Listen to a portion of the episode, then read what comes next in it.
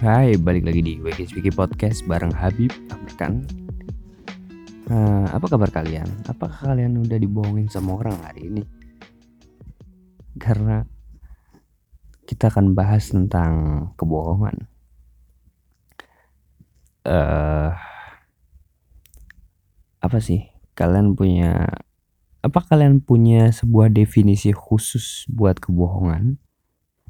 Kalau aku sih sesimpel nggak ada su, su, kalau nggak ada sebut kecuali gini sesimpel um, ketika kita ngeluarin sesuatu dari dalam tubuh yang nggak sesuai dengan kenyataannya gitu.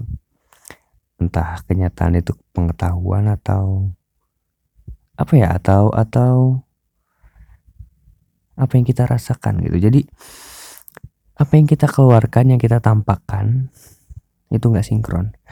Contohnya ketika kita bicara A ternyata yang yang aslinya B atau yang ketika kita rasakan A tapi ekspresi kita menunjukkan B. Ya contohnya gampang kayak kayak lagi sedih tapi senyum itu bohong gitu atau palsu.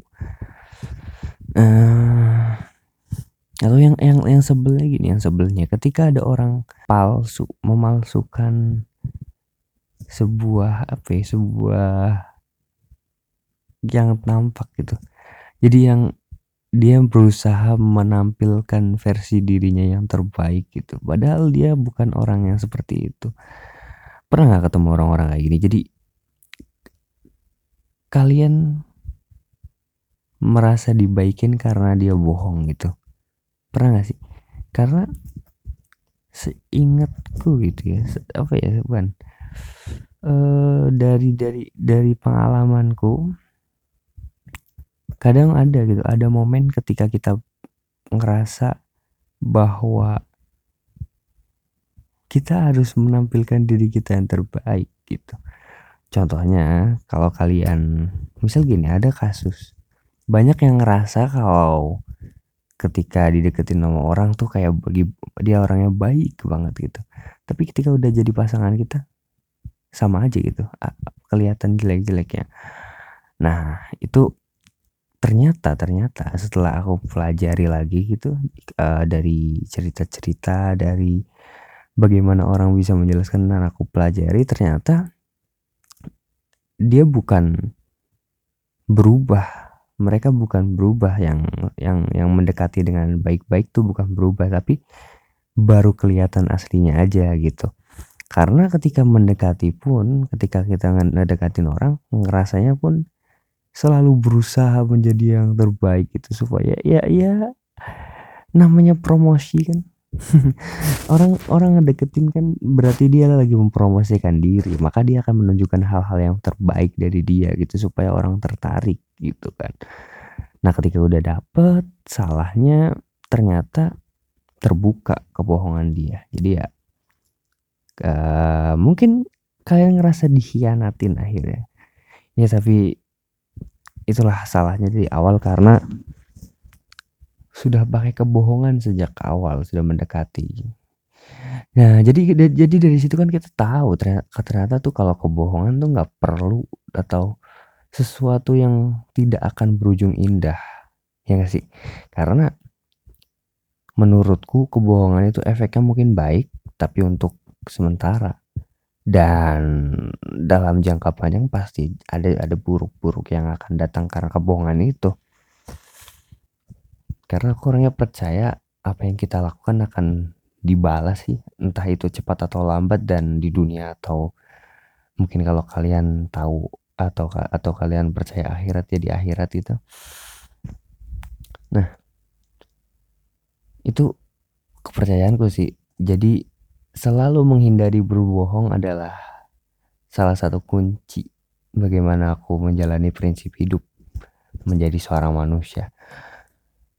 Karena aku adalah orang yang sangat sangat tidak berani gitu. Kayak kalau mau bohong tuh mikir-mikir dulu dan uh, sangat terlihat bohongnya gitu. Atau tidak jago bohong malah jatuhnya kayak aneh gitu. Karena terlalu grogi ya dan gini, gini untuk untuk untuk menyontek pun kadang takut gitu atau ngerasa mengkhianati diri sendiri. Aku lebih lebih baik mendapatkan nilai yang jelek di dan dan dan dikata-katain daripada aku harus memalsukan itu semua gitu. Kadang-kadang ada momen kayak gitu. Apa kalian pernah ngerasain kayak gitu? Dan dan dan dan dan dan kadang uh, ketika kita ngelakuin hal yang benar itu tapi orang sekitar kita tuh nggak nggak nggak ngelakuin. Atau ketika kita jujur tapi di orang-orang di sekitar kita semua tuh bohong. Jadi kelihatannya kita yang orang paling jelek dan orang-orang bohong itu mereka justru naik level mereka lebih dihormati dan lebih dirasa mereka lebih sukses gitu.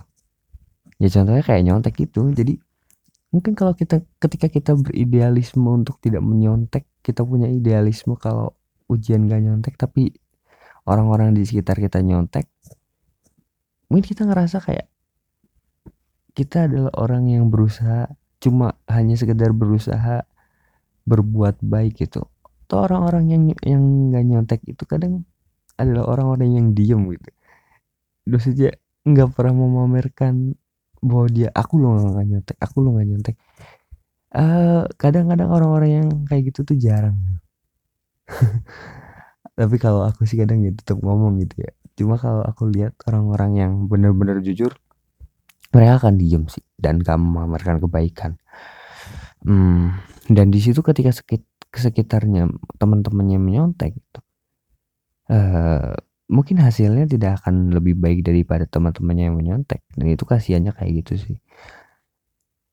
Hmm, aku masih bingung ya tolak ukur pelajaran di sekolah gitu. Kalau di sekolah tuh sebenarnya lebih penting mendapatkan nilai yang baik atau lebih penting lulus dengan mendapatkan karakter yang baik sih? Menurut kalian gimana sih menurut kali menurut mungkin mungkin mungkin tapi tapi tapi apakah penilaian akhlak di jasa menjadi penting gitu? karena cuma ada tiga kolom. Biasanya cuma ada tiga kolom. Ketaatan kejujuran atau apa gitu. Dan itu nggak terlalu diperhatikan. Yang yang sangat besar kolomnya dan sangat diperhitungkan tuh cuma angka-angka itu. Jadi ya mungkin mungkin di Indonesia gitu ya atau di seluruh dunia yang masih menggunakan sistem yang sama mereka lebih mementingkan bagaimana murid bisa menjelaskan suatu pelajaran daripada suatu sebuah murid eh sebuah murid. Bagaimana jadi jadi lebih mementingkan bagaimana murid bisa menjelaskan sebuah pelajaran dibanding murid bisa bersikap dengan baik dalam hidupnya jadi lebih penting berotak daripada bermoral gitu. Mungkin seperti itu karena dibuktikan dari ijazah dan rapot-rapot yang sangat menonjol itu bukan ada di penilaian akhlak tapi ada di uh, bahasa Indonesia matematika itu lebih ditonjolkan gitu. Uh, bahkan bahkan bahkan ada ujian tengah semester dan itu isinya cuma materi-materi yang pelajaran. Tidak ada ujian akhlak gitu. Apakah apakah mungkin suatu saat akan berubah sistemnya jadi ujian akhlak ujian hmm, uh, bersikap? Ya bisa jadi tapi itu adalah hal yang unik sekali gitu ya menurutku ya. Karena belum pernah dilakukan sebelumnya apakah mungkin udah pernah ya semua di Indonesia tuh belum pernah ya, jadi hal yang unik. Hmm, mungkin kurangnya pendidikan akhlak pendidikan pemahaman pemahaman-pemahaman seperti ini yang membuat kita menjadi sangat enteng atau ringan berbohong gitu ya. Dan dan dan dan gini menariknya kalau kalau kita bohong tuh nggak bisa satu kali selesai iya gak sih? Jadi kalian kalau kalian pernah berbohong gitu kalian akan selalu berusaha menutupi kebohongan-kebohongan dengan kebohongan selanjutnya gitu. Dan ini yang diajarin dari guruku dari dulu sih. Kalau ketika kita bohong itu nggak mungkin satu kali selesai. Tapi kita akan menutupi kebohongan tadi dengan kebohongan lagi gitu. Sampai tidak ada orang yang peduli lagi dengan apa yang kita bicarakan. Contohnya kejadiannya kayak gini. Hei uh, kamu habis dari mana? Kita ditanya bapak gitu kan. Nah kita kita lagi habis dari main ke mana tapi kita nggak ingin tahu dari tempatnya si A padahal kita ke si B gitu. Uh, apa kamu apa kan mungkin si B adalah orang yang dibenci oleh bapak. Kamu kan dibilangin gak boleh main ke tempat si B. Iya pak nggak main ke tempat si B kok. Tuh udah dua kali bohong itu yakin yakin pak uh, udah udah udah nggak berteman lagi sama dia kok gitu. Ya itu kayak gitu kayak gitulah yang double double bohong ya kan? Dan uh, jadi apa sih? Udah kali ya kita tidak bahas tentang pertama tentang apa itu bohong menurutku yang kemudian lanjut ke ini apa namanya ketika ada yang deketin terus ternyata dia bohong terus oh kita tadi sempat bahas tentang sistem pendidikan juga ya. Jadi di Indonesia tuh lebih mentingin moral dari eh bukan bukan kembali lebih mentingin nilai nilai pelajaran daripada moral.